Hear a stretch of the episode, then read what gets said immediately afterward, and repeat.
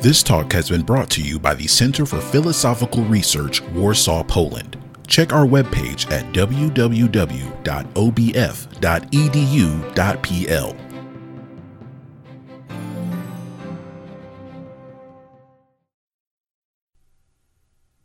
Kazimierz Naturalist Workshop, 2008. G. Randolph Mayes, Naturalizing Cruelty. Well, I've always, I've always um, enjoyed the concept of cruelty, and I, um, I think it's an inherently interesting subject. But um, those of you who don't particularly um, could also look at the talk, talking this way. It's um, this is a paper, this is a version of a paper that's going to be coming out in um, biology and philosophy pretty soon, and it's just it, you could look at it as kind of an object lesson in what I take, at least what I take analytic philosophers excuse the naturalized philosophers to, to be doing when they're doing what really looks just like plain old analytic philosophy. And and I, I think basically that what we're what we're doing when we're doing something that makes sense when it looks like plain old analytic philosophy is that we're we're trying to take a, a term or concept, however you want to talk about it, and um, and propose a definition that we think might be um, serve the aims of natural science. Um, we don't have any a priori basis for believing that it will. It's an empirical claim, ultimately, or it's, an, a, a hypothesis that the definition that we're proposing would do some work that current definitions are not, and better work. Um, so that's really all that's happening here. This is the abstract that's uh, that's already on your program. Now, I, am going to hustle through this, and I'm sorry, it's, it's just words, and, and the reason I have it up here is just to try to keep me disciplined. Um, and I'm, I'm not a disciplined speaker. Um, so this is based on, I based this uh, paper on a, uh, a very uh, extended target article by Victor Nell, published in Brain and Behavioral Sciences called Cruelty Rewards, the Gratifications of Perpetrators and Spectators. And here now argues um, for a particular uh, view of cruelty, a theory lays out, you know, a theory of cruelty, which essentially uh, involves the claim that um, uh, cruelty is a behavioral byproduct of predation. Um, and uh, the reason I, I, like this paper is because it, it focuses on, um, it's a target article, and many, many people, there are like 23 authors who had a chance to weigh in on it, and uh, it struck me that um, um, what they said was uh, was interesting, primarily insofar as the kind of um, confusions they, they represent, conceptual confusions. Uh, Nell adopts this working definition of cruelty. He's a scientist, and he didn't spend you know a great deal of time uh, formulated carefully, but he does say this is literal, um, taken from the text. The cruelty is the deliberate infliction of physical or psychological pain on other living creatures, sometimes indifferently, but often with delight. And that corresponds remarkably well to the OED definition, which is uh, uh, roughly the disposition to inflict suffering, delight in, or indifference to the pain or misery of others. Um, and of course, Nell is interested in taking this seriously as an empirical phenomenon and providing a theory for its uh, prevalence um, wherever we find it. So um, now, several of the respondents um, were openly skeptical of the definition, and there were actually many that simply sort of explicitly had problems with the definition. So I, I take them to be sort of acting philosophically in some sense. Um, Dahlman says, that these are quotes, implicit in the definition of cruelty is the notion that humans should be a bit more morally advanced than subhuman primates or other animals. Because of his exclusion of cruelty to behavior solely in humans, Nell ignores the fact that situations which, we, which he documents so well, cruelty in mankind have strong parallels in other animals. Then Vandenberg says, I would hesitate to deny a priori the capacity for cruelty in intelligent predator species such as orcas. Um, both of these are, are really talking relatively explicitly about the, the fact that the definition in conjunction with other our basic empirical claims seems to imply that only humans have cruelty and uh, are capable of it and sort of rules rules non-human cruelty out on a priori grounds.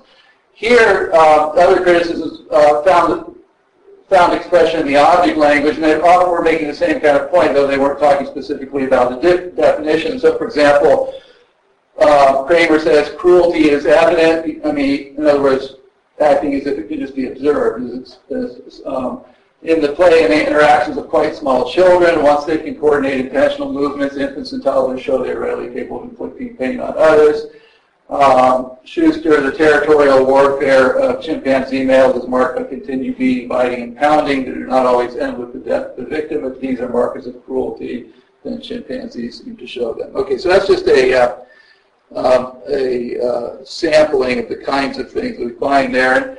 Uh, the interpretation um, that I suggest we give this is that if we assume that cruelty, as Nell has defined, if we assume cruelty, um, the word cruelty as Nell has defined it, we're really required to read the second authors as attributing advanced cognitive capacities to cats, small children, ancestral hominids, and chimpanzees. In other words, if they're going to say that they think they can observe cruelty in these creatures, then um, they're also, they would have to, if they're using Nell's um, definition um, be attributing to them um, some pretty advanced uh, capacities. This seems to me to be a clearly uncharitable interpretation of their remarks. Such, uh, um, I should say some, some of these creatures are presumably capable of responding at some level to the affective states of others, but it's highly implausible to suggest these responses are regulated by a deliberative process, which is what Nell's definition requires. So I think the charitable reading is that the authors are all implicitly rejecting, either explicitly or implicitly rejecting Nell's definition by, by uh, uh, proposing to use the term in, in ways such that uh, broader range of behaviors can be described as cruel. Okay. Now, I have a couple very quick sort of metaphilosophical remarks here. I, think it's, at this point, um, certainly many scientists and a lot of philosophers are, are going to detect that, you know, we've really got a, a really not very interesting semantic dispute going on here. You could, uh, regarding both sets of comments above, you might respond that the issues raised are really entirely conventional. From a logical point of view, it simply does not matter whether we restrict the term cruelty to the deliberate infliction of suffering or broaden its scope and then go on to distinguish between deliberate and non-deliberate forms of cruelty. And I think that's, that's roughly correct. The problem is this is really not a purely logical matter. Um, what productive science requires of linguistic conventions is not only conceptual clarity, but theoretical fertility. So whether a linguistic convention will prove fertile, it's not something we can know a priori. However, we can reasonably assume that conventions uh, researchers in the field regard as cumbersome, unintuitive, idiosyncratic, or burdened with unnecessary assumptions will tend to have a prophylactic effect. So I take the researchers' uh, comments as evidence that maybe the definition can be clarified in a way that uh, um, would, would facilitate Nell's aims as well as the general inquiry into, into cruelty. Um, an example here, very quickly, would be the scientific study of rape, which, of course, um, is fraught with uh, all sorts of political and, and, and empirical difficulties. Um, so like cruelty, rape is widely seen as a uniquely human phenomenon. This is partly because uh, rape is a crime, but it's also because we make a distinction between the human and brute uses of force. The brute use of force occurs without any awareness or concern about the will or the interests of the victim. It is simply the force of nature. And uniquely human use of force, on the other hand, uh, may be thought to depend on an assailant's um, understanding that the victim has desires and interests that are contrary to the aims of the assailant. So we could ask this question, it seems like we can ask, do non-humans commit rape? And our fundamental intuition here, I think, is that surely this should be an open empirical question. But if rape by definition requires the deliberate use of force, then our answer is at hand. If no, it's, it's actually logically impossible. Um, uh, again, there are no purely logical reasons we must be open to the concept of non-deliberate rape, right? Ecological descriptions of rape-like behavior in a variety of species, including spiders, dolphins, chimps, etc., do not suffer a loss of content if we simply speak of them as engaging in brute force copulation rather than rape. Um, and yet there, there are people like Thornhill and Palmer who think it's actually quite important to be able to describe, to use the term rape um, to, um, to uh, uh, characterize um, um, the behavior of animals. And the, the, the, reason is, is, is obvious. I think it's because they're trying to uh, integrate, to develop an evolutionary um, um, theory, right? And they want to have some consistency. Yes? Craig Palmer, right? Craig Palmer, right, yeah. Craig Palmer and Randy Thornhill, right. Anybody else might, uh, forgive me for really charging through this, but I'd like to get it finished. Um, so the other philosophical point here to make quickly is a word about naturalization. I think um, this is useful, maybe probably not that useful to you, it's probably more useful to students. Um, um, but strictly speaking, of course, to naturalize the term is to purge its definition of irreducibly normative, non-natural, and supernatural concepts. Um, there are many different reasons that one might oppose naturalization. Of course, we all know them. Uh, but basically just one reason to support it, and that is to remove obstacles to scientific inquiry. At least that's how I see it. If, for example, we insist on defining human rationality in irreducibly normative terms, and we describe rational thought and behavior in terms of the activity of a mental substance that's immune to causal influences, then it will be logically impossible to develop a scientific theory of human rationality. On the other hand, if we think of rationality as an evolutionary adaptation, rational thought and behavior in terms of brain activity, then a root to such a theory may exist. Um, that's basic. But there's a deeper level of naturalization I think we all are sensitive to, though we often don't talk about it. There's quite a bit more to naturalization than ridding the vocabulary of empirically inscrutable terminology. Definitions that appear to be fully naturalistic can still have a stifling effect on scientific inquiry. And Nell's definition is of this type, I think. Um, Nell's definition of cruelty does not explicitly employ irreducibly normative concepts. So in that sense, it's already fully naturalized. So what am I talking about? Why am I saying I'm naturalizing cruelty? Well, what I'd say here is this definition can still be regarded as having been fixed by our normative beliefs. Uh, and that's a problem. So here's another quick example, altruism. Very crude treatment, I, I understand. Okay, done just for making my particular point. Altruism is ordinarily defined as unselfish devotion to the welfare of others.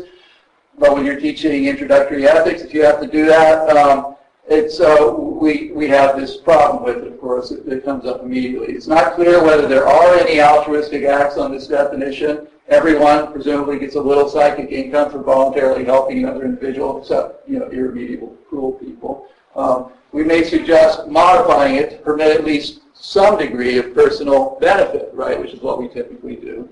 For example, we might choose to define an altruistic act as one in which the benefit received is less than the benefit bestowed. So while the, common definition of altruism is not irreducibly normative, just like this definition of cruelty, our reasons for suggesting the modification would be to bring our use of the term altruism more into conformity with a naturalistic view of human motivation. Okay? So that's the deeper level of naturalization. Because only humans are capable of engaging in altruistic acts on the standard definition, biologists who study apparently self-sacrificing behavior in non-human animals currently distinguish between psychological and biological altruism. It's a very common distinction. The latter concept involves no reference to intentionality and construes welfare narrowly in terms of a contribution to reproductive fitness.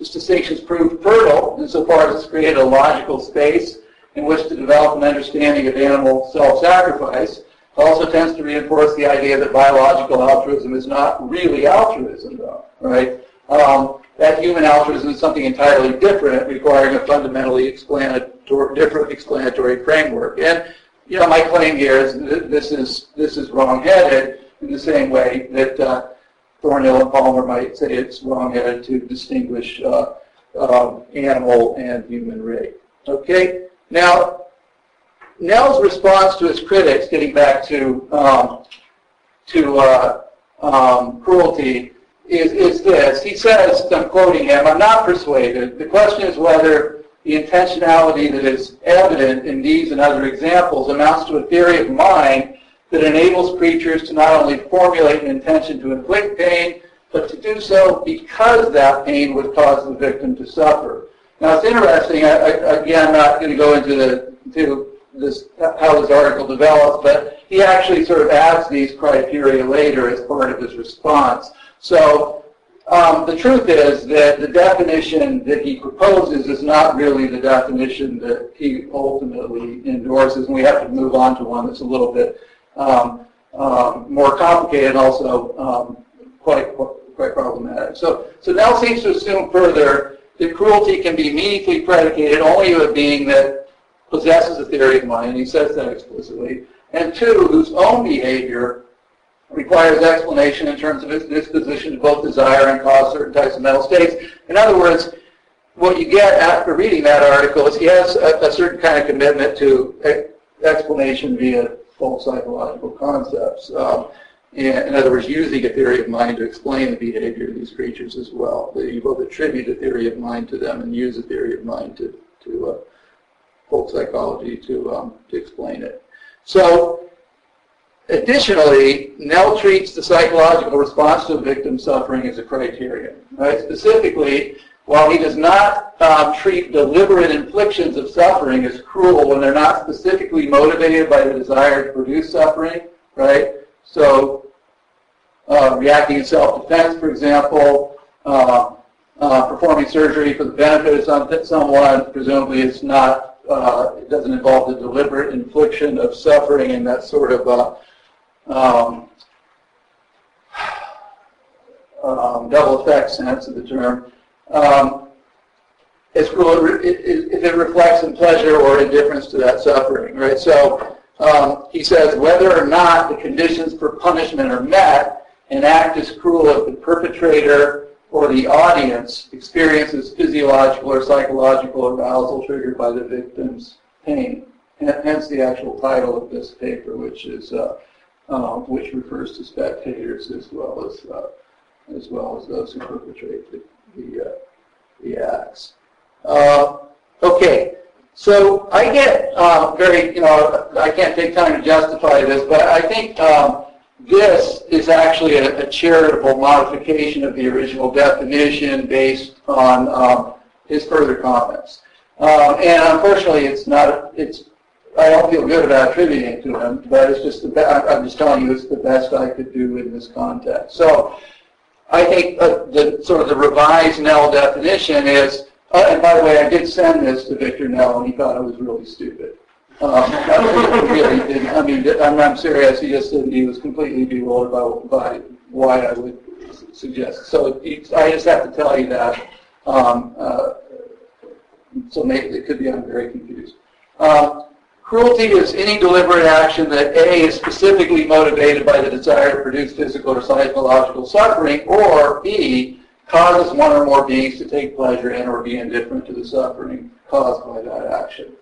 Um, now, the rest of this paper is um, is is a an examination of a quick examination of the implications of that kind of definition, and B an attempt to provide a better one. That, that's all there is to it. Okay. So this definition captures the following essential features of cruelty, which Nell has definitely stated are essential features of cruelty in the paper. One, disciplinary punishment is cruel insofar as it necessarily involves the infliction of pain. Okay? Um, an action is not cruel even if the pain is caused deliberately if I should say, if it is not specifically motivated by the desire to cause pain. Um, in counterfactual terms, all things being equal, the agent would choose to achieve the goal of the action without causing pain if such an option were available. And finally, pleasure or indifference to perceived suffering is a manifestation of cruelty, even when the action is not specifically motivated to cause suffering. If you're enjoying it, even if it wasn't your, your initial purpose, there's a, we, we call it cruel. Um, okay, here there are three difficulties I think with this definition. And I just named these difficulties. There's a problem with what I call the causal condition, the deliberateness condition, and what I call, for lack of a better word, the term the disjunctive condition. Okay, the causal condition, the problem with the, the causal condition uh, is this. The revised definition I'm attributing now treats cruelty as a property of actions that cause suffering But this does not fit well with his view that cruelty may also be exemplified in those who are only spectators. You see, there's a problem. It's, it's, it's kept, the, the problem is in, in the definition itself that I've attributed to them. Um, I think, actually, this tension is the result of the fact that we're trying to do justice to two fundamentally different ways of thinking about cruelty, talking about specifically cruelty can be predicated of actions and it can be predicated of agents. And I think he's actually um, made a, a, a, bad choice here and thinking of it as, as mainly a property of actions. I think from a scientific point of view, it's much better to think of it as a property of agents. Why? Well, our theoretical starting point is that cruelty is a property with explanatory significance. Okay? We should begin from the assumption that some kinds of actions can be understood as the result of the cruelty of the creatures that perform them, and that's, of course, to use the term as a, uh, as a trait. A scientific theory of cruelty should attempt to identify the evolutionary history that's resulted in neurobiological and psychological characteristics enabling creatures to act in a particular manner. Indeed, this is precisely what Nell himself aims at. Uh, the deliberateness condition um, According to the revised definition, a cruel action is not just a deliberate action that gives, uh, gives rise to suffering, but rather one whose purpose is to cause suffering. Okay? To appreciate the significance of this re requirement, consider, this is just a quick thought experiment, consider two brothers, Seth and Cyrus, both of whom derive immense pleasure from performing actions that hurt others in any number of ways. Um, the difference between them is this. Seth immensely enjoys doing things that hurt people, but he maximizes his pleasure by not reflecting on the suffering of his victims. Because Seth is not a particularly reflective individual, this requirement is something he can easily satisfy. However, it's possible for some people, for example his mother, to cause Seth to reflect on the suffering his actions cause, and doing so makes him feel badly for his victims. Cyrus, on the other hand, is always keenly aware of the suffering he's causing, and his pleasure actually depends on it. Indeed, because of the exertion and danger involved in harming people, Cyrus would not be sufficiently motivated to do so if he could not anticipate their actual suffering. Um, now, my point here is not that Nell's definition fails to capture ordinary language. That's never a criterion, really, an ultimate criterion in naturalistic philosophy, I think. Um, since our strong tendency to let moral considerations inform our ordinary intuition guarantees that no naturalistic definition will succeed in this aim. The point is that neither ordinary usage nor naturalistic considerations require us to draw a sharp line between Seth and Cyrus. Um, when we treat cruelty primarily as a property of agents and only derivatively as a property of actions, then we have no prior reason to think that in developing a scientific theory of cruelty, we should assume that there is a categorical difference between individuals who both get pleasure from doing harm to others, but whose pleasure can be intensified and diminished in, in different ways. I don't think we have any really good reason right now to think that that's, um, hello. Don't worry, sorry about that. Sorry. Um, the, uh, the, finally, the disjunctive condition a revised definition of cruelty subsumes the OED requirement that an agent take pleasure in or be indifferent to the suffering of its victims. That's the disjunctive condition. condition. Generally speaking, disjunctive meanings are not conducive to scientific aims, right? Uh, here's an example, a silly example, of course. A unified scientific theory of flight would be exacerbated by a definition of flight as a passing through the air or through empty space, right? This definition conforms to ordinary usage, but sustained motion through a medium and sustained motion through a vacuum are not remotely similar processes. Um, so Nell himself adopts the disjunctive definition not out of respect for ordinary usage, but because he sees cruelty in terms of a, quote, a continuum ranging from instrumental cruelty marked by the perpetrator's emotional coldness and distance from the victim to expressive or affective cruelty marked by the perpetrator's escalating arousal. And in fact, there's a psychological principle here um, that links pleasure and indifference, namely the principle of habituation, which Nell knows here as well. Um, so it may be that Nell adopts the disjunctive condition not on intuitive grounds alone, but on the basis of a particular view about the origin of the difference. That is, that it results from habituation to an initially arousing stimulus. Um, the problem here is that habituation is just one way in which indifference may occur. Right? We're all aware of this. My basic indifference to the suffering of millions of sick and starving people in third world countries is not a result of habituation to an initially arousing stimulus, right? Human beings simply do not ordinarily have a strong emotional response to the pain or pleasure of people, you know, which philosophers like Hume have observed forever. Um, but this effectively means that indifference may be surely, may be safely removed from the definition as it's really the pleasure um, that precedes indifference that explains our capacity to cruel behavior, right? So it's not as if indifference isn't important. It's just that it doesn't have any really clear explanatory significance. Okay, so on the basis of these considerations, I suggest that we get some, some desiderata for a, an improved definition of cruelty.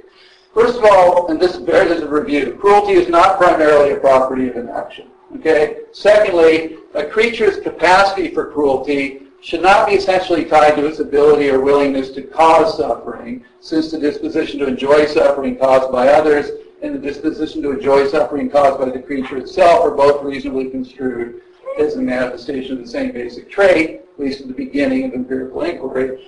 Cruelty should, third, cruelty should not be construed as requiring an agent to grasp the subjective suffering of another living creature, reasons for which we already gave. And four, uh, cruelty should be defined in terms of psychological dispositions, for example, pleasure or um, neurological pathways like dopaminergic responses that reward and reinforce certain kinds of behavior. Okay, so on the basis of this, I um, I give you the revised definition of cruelty. Okay, the cruelty is simple, so I think it's easily understood, or at least on the surface. Cruelty is a creature's disposition to be rewarded by the perception of injury that's uh, so my proposal is that, that uh, Nell should uh, and others should consider that this definition might might be more satisfactory um, way of thinking. But you're in another creature, right? No, that, uh, I appreciate that point though. Okay. Uh, I don't I don't mean that. Um, it could have easily been an, oversight, but it, was, it wasn't. That's the kind of oversight I'm inclined to make. Um, but I'll clarify this, right? So so here's the we're almost at the end. Okay, but here's the sort of picking apart of, of what these terms is a it's a you know it's a deceptively um, it's a, it's a simple definition, but it's relatively deep. I think first of all, what's a creature? A creature is any living thing. This definition might be expanded to include non-living entities like robots, depending on future developments in artificial intelligence. Um, but certainly it does not apply strictly to humans.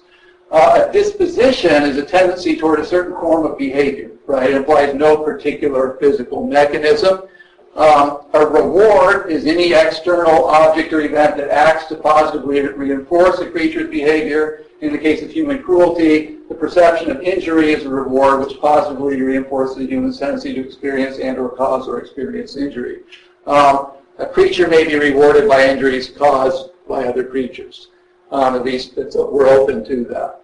Um, the perception of injury may range from the actual feeling of pain to visual, auditory, or tactile experience indicating injury to oneself or others.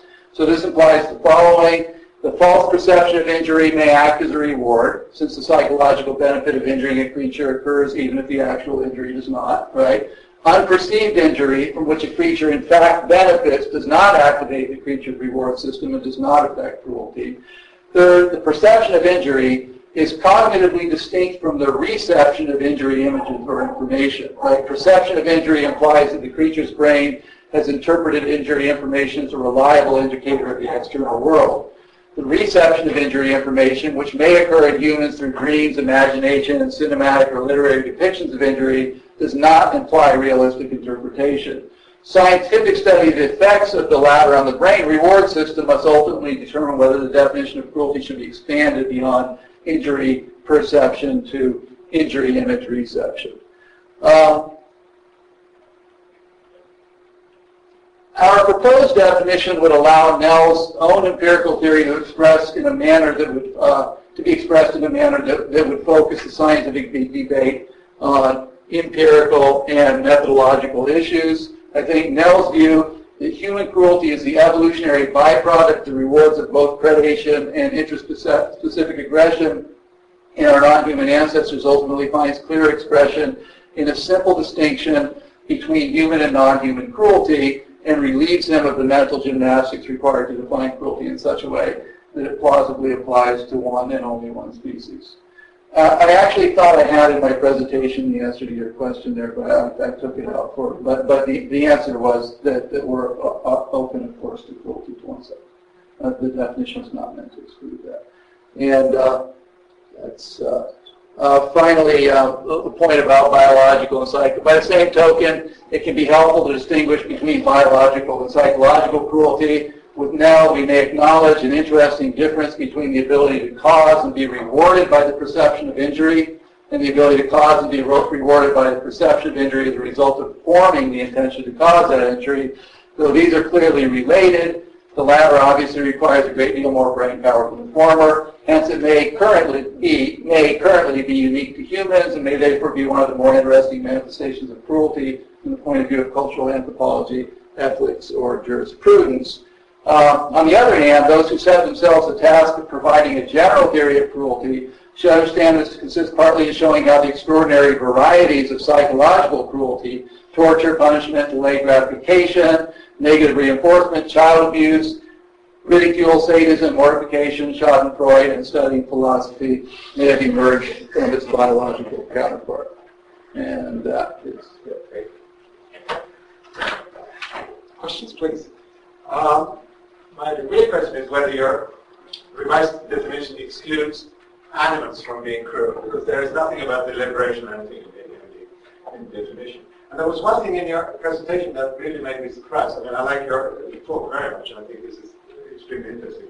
But you said in, in your discussion of rape that by definition, uh, animals couldn't make de deliberate uh, cruel action, uh, deliberate forced uh, uh, copulation. Uh, I, I, didn't simply follow why not. Uh, I mean, just, yeah, I, as an example, I, not too long ago, I, watched two raiders, I mean, to be legal mammals, bullying a peregrine falcon, and they were really, really, I mean, good at it. Uh, and they were they were doing it in a very complicated manner. I mean, one raider diverting the attention of the falcon, and the other one attacking it from behind, and so on. And they were, from my point of view, I mean, this may be anthropomorphic. They were really cruel to the peregrine falcon. Right. It, was, to my mind, clear that it was a deliberate and cooperative action against the, against the falcon.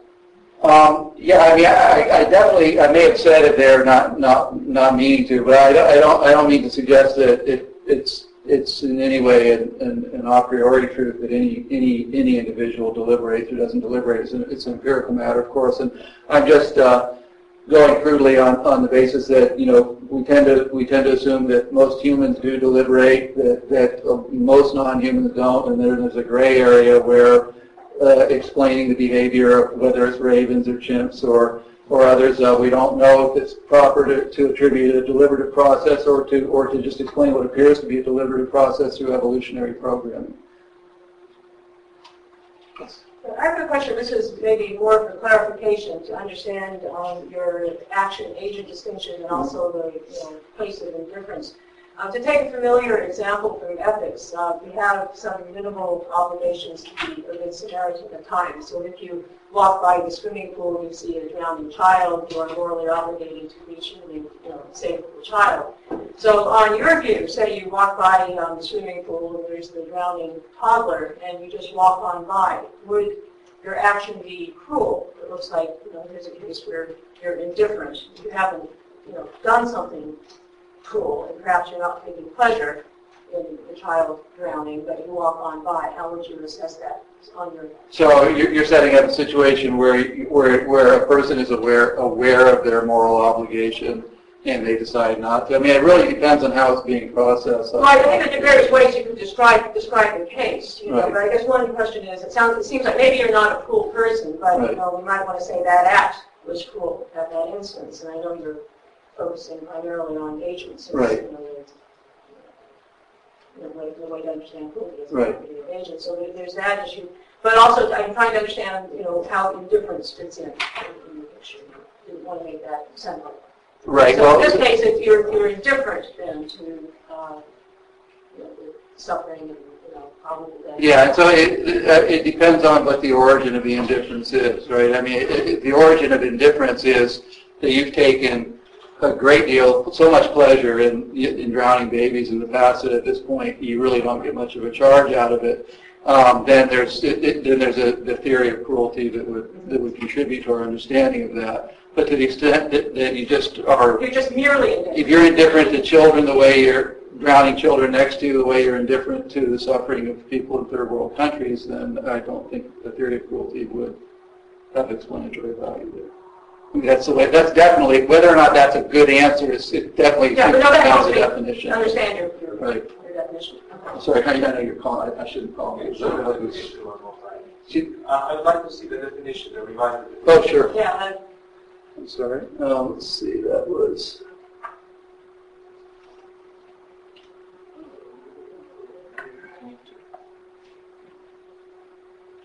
You're talking about the final definition, Yeah. correct? Yeah. Okay. This is the rule. Just scroll down. You were hitting- you were hitting the rule around. Oh, I was- Go a little bit, little- keep hitting the button. You, you just do it for me. That's the rule. Oh, that's, oh, The, okay. the rule, you keep hitting the rule around the button. That's what I meant. You. There we go, that's it. Yeah. Thanks. Uh, so, that's fine. Uh, like to ask a question. Uh, Shoot.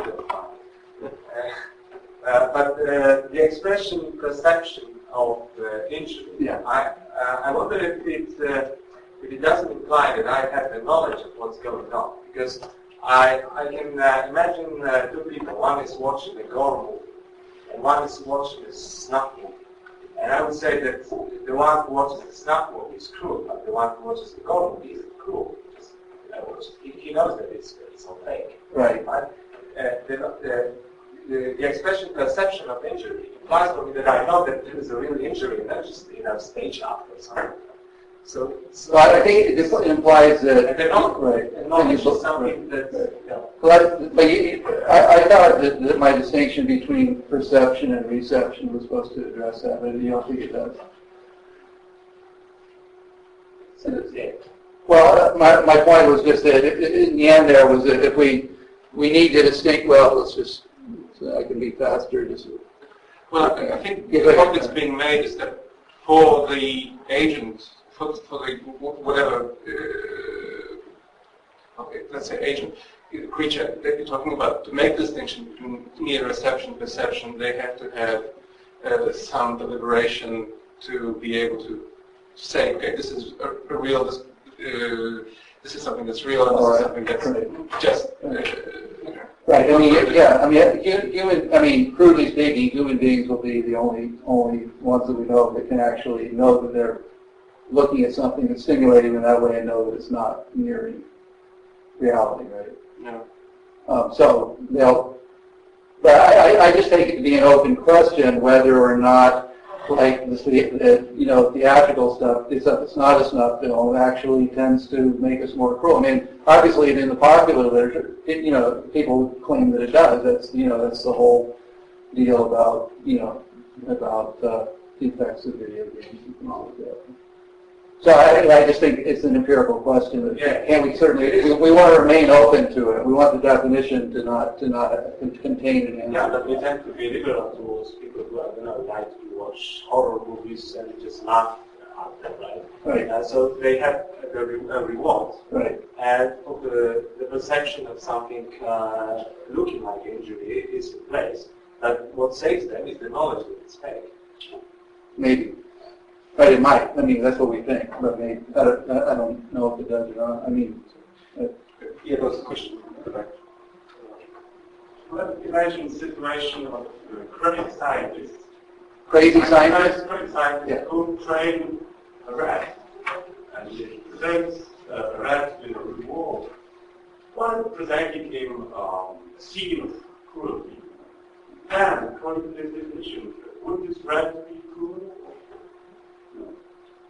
Um, if it, if it succeeds, if it succeeds in, right. um, the tendency to be rewarded by the perception of injury, right? So your point would be that, um, um, that's, it's really not capturing what's, what's important about them. In other words, he's, he's perceiving, a seeing that we describe as, as injury, but in fact, from the rat's cognitive point of view, it's not necessarily a perception of injury at all. It's just, it's just, it is, we would describe it as, as injury, right? So, I don't know, I'm not a good philosopher of language, uh, but I think that's where, I think that's the kind of problem it is, right? I mean, I mean, we describe it as a perception of injury, right? To us it is, to the rat it, it is not. I mean, I, I know that's hopelessly crude, but that's where I would go with that. All right, and I think this will have to be the last question. Oh, uh, I, maybe I want you to speak a little bit more about Susan's question, because it seems like, like, what are, it seems very intuitive to me to call the masochist cruel. And I wonder what, why you felt compelled to keep that open. I, it's, um, okay, so I don't want it to be based on intuitions, but cruelty to oneself seems like a, a completely coherent concept. And um, it's here, like, okay, th- these are the kinds of things that are in the paper, right? But for, it seems to me that um, that the ability to put yourself through um, through pain for the purpose of of achieving things um, is it's basically it's obviously a very important part of what we are. Um, and also, it, it might figure right into to what's important in in uh, tolerating and, and creating pain in others. Uh, it's just not clear to me that it's not. Uh, you can, we don't know a priori that those are just completely. Um, everyone, let's get started with the uh, second session. And we're starting with Randy. And uh, with naturalized wisdom, so now start cruelty. Any relation to it? I, wish I could start with. This talk has been brought to you by the Center for Philosophical Research, Warsaw, Poland. For more talks, check our webpage at www.obf.edu.pl.